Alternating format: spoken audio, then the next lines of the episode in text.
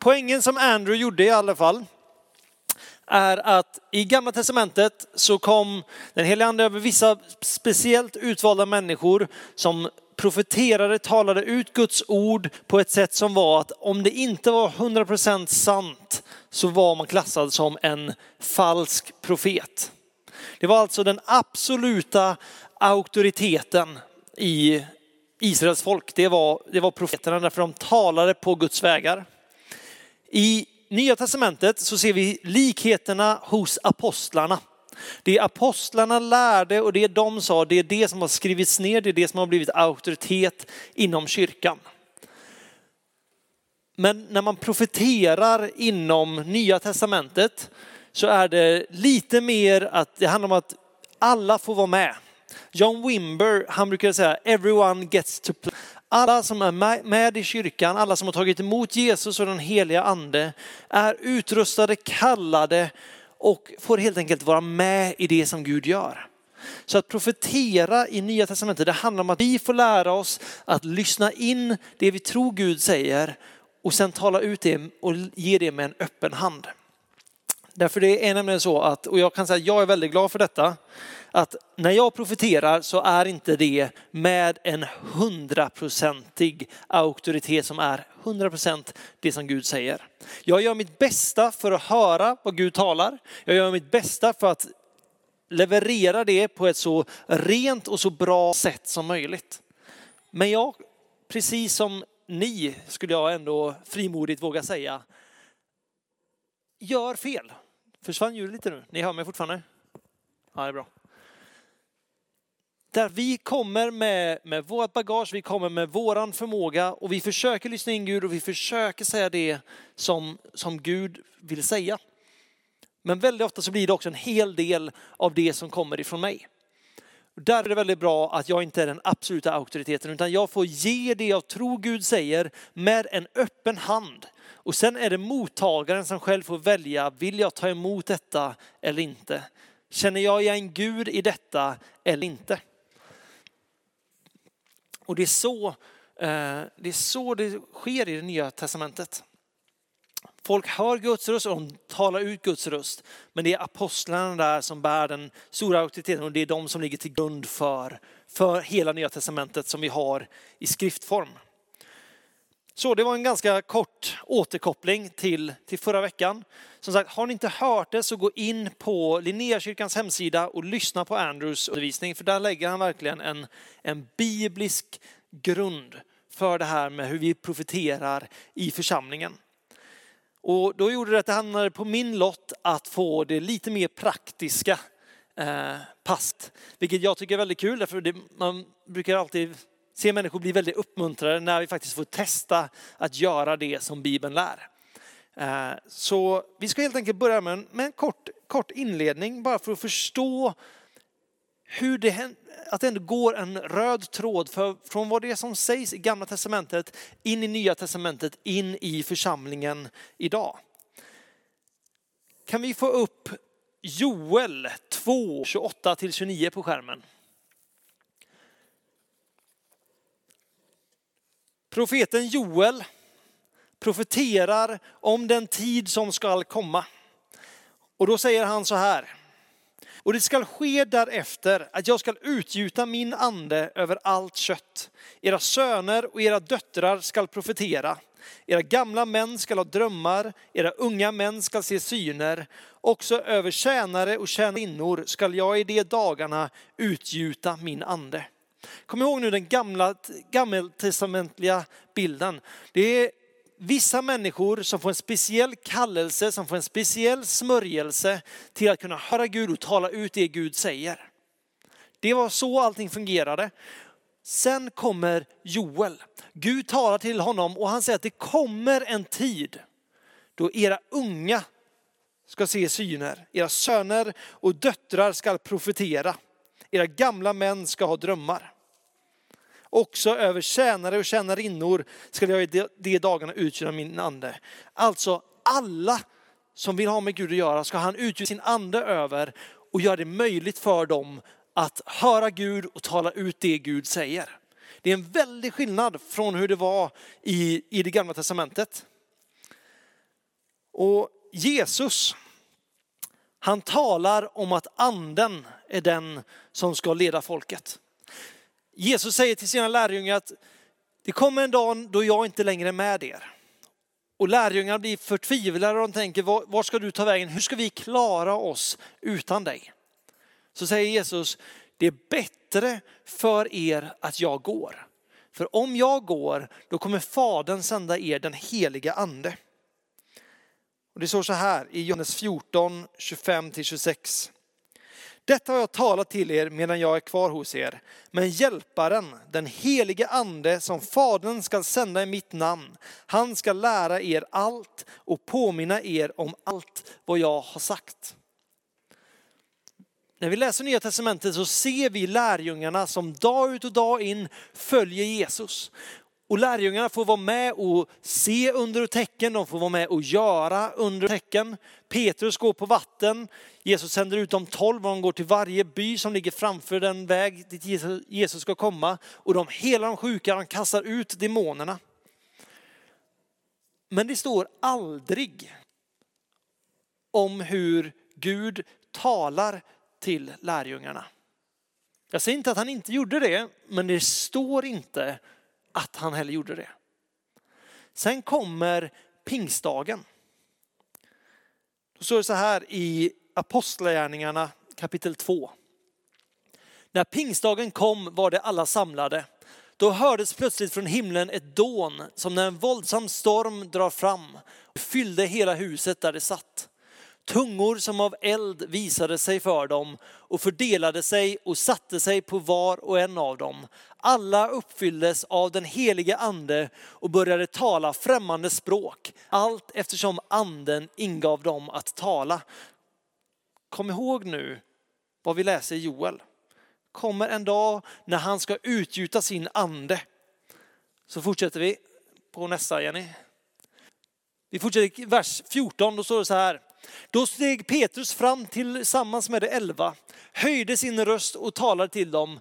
Judiska män och Jerusalems alla invånare. Detta ska ni veta, lyssna till mina ord. Det är inte som ni tror att de är berusade. Det är bara tredje timmen på morgonen. Nej, det är detta som är sagt genom profeten Joel. Och det ska ske i de sista dagarna säger Gud, att jag utgjuter av min ande över allt kött. Era söner och döttrar ska profetera.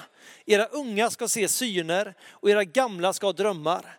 Ja, över mina tjänare och tjänarinnor ska jag i de dagarna utgjuta av min ande och det ska profetera och jag ska göra under upp på himlen och tecknen nere på jorden, blod, eld och moln av rök. Solen ska vändas i mörker och månen i blod innan Herrens dag kommer, den stora och strålande. Och det ska ske att var och en som åkallar Herrens namn ska bli frälst.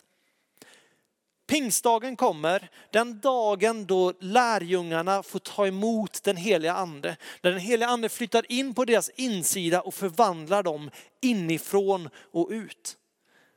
Och när Petrus ska förklara detta för alla folk som är i Jerusalem som står där och undrar vad är det som händer? För de kan höra människor prata på massa olika språk och de tänker så här, de borde inte kunna göra det. Det Petrus gör, det är att han vill citera det Joel har sagt. Och han säger att detta löfte, denna profetia har nu gått i uppfyllelse. Och från och med den här händelsen, om man fortsätter genom att läsa apostlagärningarna, så gång på gång på gång så står det hur den heliga ande talar till lärjungarna, talar till Paulus. Och det är det vi får fortsätta på. Apostlagärningarna är en bok som beskriver tiden efter Jesus, lärjungarna, hur den första kyrkan växer fram. Och kyrkan växer fortfarande. Det Jesus startade i apostlagärningarna, det pågår än idag. Så det som sker där, det är verksamt och möjligt för oss att ta emot idag.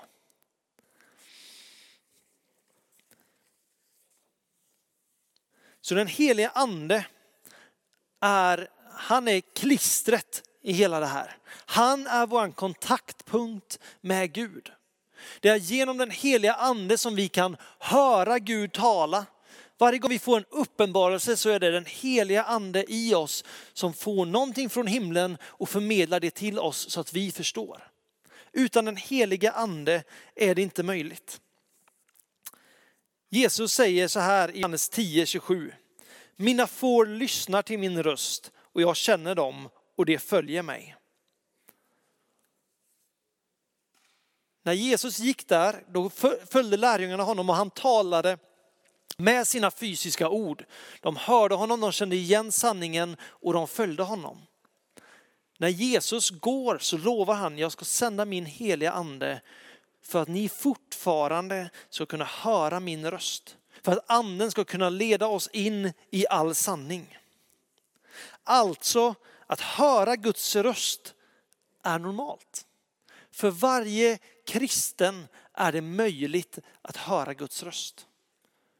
Så står här, Jesus när han liknar sina lärjungar vid får. Får är något av de dummaste djuren, tydligen. Eh, ett bild av en får är att de är, de är tjockskalliga. De är tröga, de fattar inte riktigt. De behöver bli ledda av herden. Det är det djur som Jesus likställer oss med. Känns inte det uppmuntrande? Men det finns något i det att även om vi inte alltid är med på banan, även om vi inte alltid förstår eller vet vad vi gör, så kommer vi att kunna känna igen herdens röst och vi kommer följa. Det står också det här, mina får lyssnar till min röst. Det är där vi har vår utmaning. Om alla kan höra Guds röst, då är frågan, lyssnar vi till Guds röst? För mig är det en stor skillnad. Därför jag tror att väldigt många gånger så talar Gud och jag har mitt fokus någon annanstans. Jag är inte uppmärksam på vad han talar så jag missar det som han faktiskt vill ha sagt. Men jag märker att när jag ställer mig själv i en position där jag frågar Gud, Gud vad vill du säga nu? Så blir det så mycket enklare för mig att uppfatta vad han säger. När jag bodde i England för ungefär två år sedan så hängde jag med en, med en pastor som heter Paul. Och han tog med mig och mina kompisar till olika kyrkor. Sen ställde han oss längst fram på scen och så bara han sa så här inför hela församlingen. Nu ska de profetera över er. De har 30 sekunder på sig. Och man kände ingen, man visste ingenting och man hade ingen aning om vad man skulle göra. Så det enda kunde vara, var att be en bön. Jesus nu måste du hjälpa mig för annars är jag körd här. Och varje gång, varje gång så talar Gud och man fick se ordet träffa. När vi faktiskt tar en paus och frågar Gud, vad vill du säga? Därför jag lovar er, Gud älskar att tala till sitt folk. Jag tror det är Guds favorithobby. Att få tala till dig som individ, till mig som individ. Han älskar att tala till sitt folk, att utrusta sitt folk och se himmelriket bryta igenom. Men jag tror att när Gud får en möjlighet att tala till dig och du lyssnar och du värderar det han säger. Jag tror att då slår Guds hjärta extra fort. Problemet är att allt för ofta, och jag talar främst om mig själv nu, så lyssnar inte jag. Jag kanske hör, men jag lyssnar inte. Ni vet hur det är när man sitter på ett stökigt café och man har en kompis som sitter där och pratar. Det enda man kan fokusera på är att det låter överallt och man glömmer bort att faktiskt lyssna på orden som kompisen säger. Samma sak är det med Gud. Gud talar hela tiden. Men vi måste spetsa våra öron och vara, okej okay, Gud, vad vill du ha sagt? Vad vill du tala till mig i den här sekunden? Vad vill du tala till Emil när han sitter här? Och när jag börjar ställa de frågorna så blir det mycket enklare att höra vad Gud säger och sen förmedla det. För ett par veckor sedan så, så hade jag ett undervisningspass, jag tror det var en kraftgärningar, då vi delade upp alla de gåvorna i tre olika grupper. Kommer ni ihåg vilka de var? Den här, det är svår. Jag har fått läsa mig till detta så det är inte lätt. Uppenbarelsens gåva. När Gud uppenbarar någonting för en som man inte annars kunde veta. Talets gåva och kraftgåvan. Och i de här så brukar man då dela in eh, de olika gåvorna i de här kategorierna. Och det tog ett tag för mig att förstå hur det profetiska kunde hamna i talets gåva och inte i uppenbarelsegåvan. För uppenbarelsegåvorna, det är urskiljning av andar, kunskapens ord och visdomsord. Så tänker man, men vadå, det profetiska, borde inte det höra hemma där? Det är ju ändå att Gud talar någonting, avslöjar någonting. Men det profetiska är klassat som, fråga mig inte vem det är som har gjort de här grupperna, för det kan jag inte ens svara på.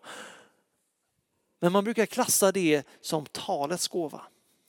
Och det är därför att profetera och att höra Gud, de är nära varandra, men de är samtidigt åtskilda.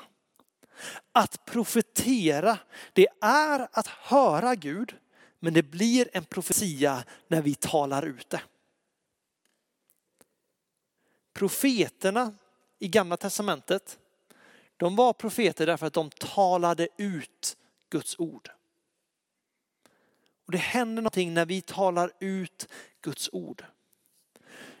Ni vet i skapelseberättelsen, det första som händer i Bibeln, efter Gud har skapat himmel och jord, han skapat dag och natt och mark, vatten och allt det här, så skapar Gud människan. Och det finns en speciell touch på människan. Det är att människan skapas i Guds avbild. Det innebär att vi är skapade till att vara lika Gud. Inte jämställd med Gud, men vi är skapade till att vara lika honom. Om vi tänker på det. När Gud skapar, hur gör han då? Han talar. Det är inte så att Jesus har, eller att Gud har en stor lerklot och han börjar forma hela jorden, utan han talar ett ord och allting blir till. Om vi då är skapade Guds avbild, tänk då vilken kraft det finns i våra ord. Och när vi talar ut det som Gud har talat så blir det ännu mer laddat än vad det var innan. Jag har skrivit ner en, eh, en liknelse här nu och jag har ingen, eh, jag kommer inte ihåg vem det är som har sagt detta och det, eh, jag har aldrig hört att det stämmer heller. Men det finns i alla fall en typ ordlek, eller vad man ska kalla det, som, som går så här att om man säger till en person dag ut och dag in, du är en häst. Du är en häst, du är en häst, du är en häst. Förr eller senare så kommer den personen vakna upp på morgonen och undra, var har jag lagt min sadel? Därför ord har en sådan kraft. Jag tror att vi alla vet, man brukar tala om sådana talesätt att eh, det, det gör ondare att få något elakt sagt till sig än att man blir slagen. Jag vet inte hur ordspråket lyder, men ni känner igen poängen. Jag tror alla vi vet är att ett slag eller man slår sig. Det gör ont en stund men det läker och det går över. Men ord kan svida i år efter år efter år. Därför det finns kraft i våra ord. Och den profetiska gåvan är att höra vad Gud säger och att tala ut det. Och det fantastiska då är att vi vet att Gud är god. Vi vet att Gud är för oss och inte emot oss. Man brukar tala om, de här rösterna som, som talar till en. Hur känner man igen att det är den onde? Hur känner man igen att det är Satan? Vad sa du? Negativa ord. Det är bra. Satan betyder anklagaren. Det Satan gör när han kommer och talar till oss det är att han anklagar oss. Han försöker säga att du är fel. Inte det du har gjort är fel, utan du är problemet. Men när den helige ande talar till oss om någonting som vi har gjort fel, så är det inte för att fördöma oss utan han kommer för att lyfta upp oss, för att få oss att leva, leva fria liv. Så man brukar tala om, ska vi säga, åh, nu tappar jag orden. Eh, Satan anklagar, han säger att du är felet. Jesus säger, du har gjort fel men du är god. En väldig skillnad. Och det är också därför vi måste vara så försiktiga när vi profeterar. Vi ska profetera frimodigt, vi ska tala ut det vi tror att Gud säger och vi ska verkligen gå, våga gå frimodigt fram i det. Men vi har alltid ett ansvar över vad vi säger. Det står så här i första Korintierbrevet 14, vers 31. Ni kan alla profetera, en i sänder så att alla blir undervisade och alla blir tröstade. Och profeternas andar underordnar sig profeterna. Till Gud är inte oordningens Gud utan fridens. Profetens andar underordnar sig profeten. Det innebär att vi har alltid auktoritet över det vi talar ut. Gud kommer inte komma över dig och bara liksom angripa dig så att det bara spiller ut massa ord som sen sårar människor. Utan när vi talar ut någonting som vi tror ligger på Guds hjärta så har vi alltid ansvar för de orden. Det står så här i första Korintierbrevet 14, vers 3. Men den som profeterar talar till människor och ger dem uppbyggelse, uppmuntran och tröst. För den här kvällen och för resten av tiden som vi profeterar, som förhoppningsvis ska vara dagligen, så är det här våra tre ledord. Uppbyggelse, uppmuntran och tröst. Om jag får något till en annan människa som jag tror att Gud har sagt till mig och det inte uppbygger någon, uppmuntrar någon eller tröstar någon. Då ska man tänka tio gånger innan man väljer att dela det. Därför det händer att Gud visar saker kring en annan människas liv som kanske inte är positivt. Men att jag talar ut det över den personen, det kommer inte hjälpa. Men om Gud visar en sån sak, då har jag möjligheten att få be in i det. Be om Guds viljas framgång i den situationen i den människans liv. Tänker så här, tänker att jag, jag brottas med stolthet. Det är en stor grej för mig säger vi. Och så kommer Robert fram till mig och så säger han, Gud har sagt till mig att du, du, är, du är för stolt. För det första, okej, okay, det visste jag redan antagligen. Men vad gör det med mitt hjärta? Det, kommer, ge, det kommer ge, sätta en etikett på mig där jag känner den här skulden. Där jag tänker att okej, okay, Gud har sagt att jag är stolt. Jag har högmod. Det blir någonting som tynger ner mig, det blir någonting som, som drar ner mig, som kommer påverka hela mitt hjärtas attityd. Men om vi kommer ihåg att våra ord har makt. Om Gud skulle avslöja för Robert att jag har problem med högmod och han ber för mig och istället så talar han ut vad Guds, Guds längtan är för mig. Eller vad Guds kallelse på mitt liv är. Du är kallad till att vara ödmjuk. Gud, vi ber om mer ödmjukhet. Vi tackar dig för den ödmjukhet som finns. Det det gör med mig, med mina tankar, det är att jag kommer helt plötsligt få en längtan efter det som ligger på Guds hjärta. Jag kommer att börja vilja ha det som Gud har. Men om, han, om man talar ut bristen i någon annans liv, det kommer inte uppmuntra mig, det kommer inte trösta mig och det kommer inte uppbygga mig.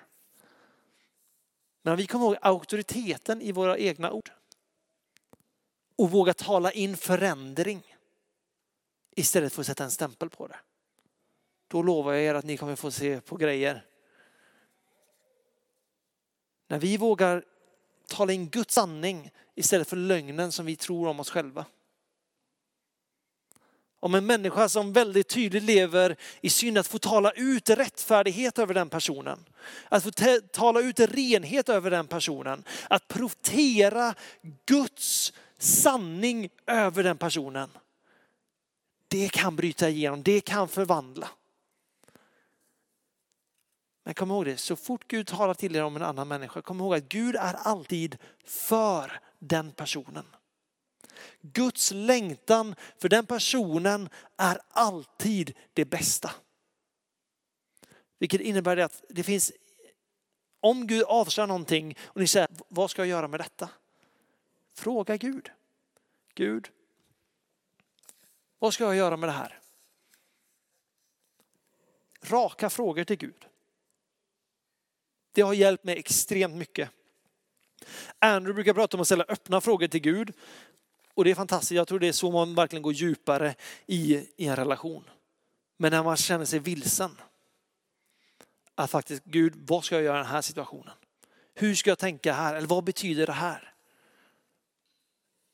Det kommer hjälpa er extremt mycket. Det står så här, första Korintierbrevet 13, vers 9-10. Ty vi förstår till en del och profeterar till en del, men när det fullkomliga kommer ska det förgå som är till en del. Här har ni det i Bibeln på svart och vitt. Det jag profeterar det är en del av mig, det är en del av min kultur, min bakgrund och förhoppningsvis är det en del av Gud. Och att därför få ge det med öppen hand så att personen själv får välja om de vill ta emot det eller inte. Men håller vi oss till de tre orden tidigare så vet vi att även om jag skulle göra fel, även om detta är 100% Benjamin, 0% Gud. Så det enda det har gjort är trösta, uppmuntra eller uppbygga. Men tala ut någonting som är ett extremt hårt ord och det är 100% Benjamin. Då har det förödande konsekvenser. Så vi har ansvar för det vi säger. Och vet man inte säkert, okej okay, men Gud varför, varför säger du detta till mig? Fråga honom. Fråga honom. Vi kan alltid be Gud att förtydliga det han har sagt. Jag ska bara säga här, Gud kan tala genom precis vad som helst. Gud känner dig precis som den du är. När jag växte upp så hade jag en, en tanke om att Gud kommer komma över kanske i ett moln och sen kommer han tala i en hög, mörk, lite så här eh, Gandalf-röst. Så jag vet att men okej, nu har Gud talat och sen får jag gå och berätta det för folk. Majoriteten av gångerna så är det inte så Gud talar. Han talar kanske genom känslor. Han talar genom bilder som dyker upp i huvudet. Till mig talar han ganska ofta utifrån filmscener som dyker upp i mitt huvud. Saker som kanske inte betyder någonting för någon annan, men eftersom Gud känner mig så vet han också vad jag kommer associera det med. Gud talar på ett sätt som ni förstår. Jag kanske inte förstår det Gud talar till Roger. Men när Gud talar så kommer Roger att veta, okej okay, men detta är Gud. Här finns det någonting. Man kom, ni vet de här, när man var liten, man kör de här, man skulle dra streck från punkt 1 till punkt 2 till punkt 3 och sen blev det en bild av det i slutet. Så är det ganska ofta när Gud talar till mig. Jag får en bild och jag tänker, hmm, vad betyder detta? Sen kommer en till bild och jag får en bild av vad det är Gud vill ha sagt. Jag tror jag delade, har delat det någon gång tidigare, men, men jag profeterade över en kille för ett par månader sedan utifrån en Björn Borg-reklam. Jag fick eh, bilder i mitt huvud utifrån eh, en trailer för den nya Björn Borg-filmen. Jag har inte ens sett filmen, men utifrån de här bildscenerna som kom i mitt huvud så visste jag direkt vad Gud ville säga till den killen som jag bad för. Hade jag bara lämnat honom med att Gud visar mig en Björn Borg-film så hade inte han förstått någonting. Men han talar till oss på ett sätt som gör att vi förstår honom. Men det härliga med de här träffarna, det är att här får vi öva. Här får vi försöka. Därför det är genom att testa det som vi märker det håller. Tänk Petrus när han satt i båten och Jesus säger kom till mig på vattnet. Petrus kunde inte ha någon aning om att vattnet skulle hålla innan han satte sin fot på det. Samma sak är det med oss. I början så är man så här, okej okay, vänta nu här, är det här jag eller är det här Gud? Men när vi vågar testa det så kommer vi snabbare och snabbare och mer och mer träffsäkert kunna känna igen, okej, okay, men det här är Gud. Känna igen vad är det som är av Gud och vad är det som är av mig. Och vi kommer göra fel. Vi kommer alla att göra fel. Men så länge vi ger orden i uppmuntran, i tröst, i uppbyggelse så är det inte hela världen om vi gör fel. Men det är väldigt kul när man träffar rätt. När man märker att okej, okay, här har vi någonting.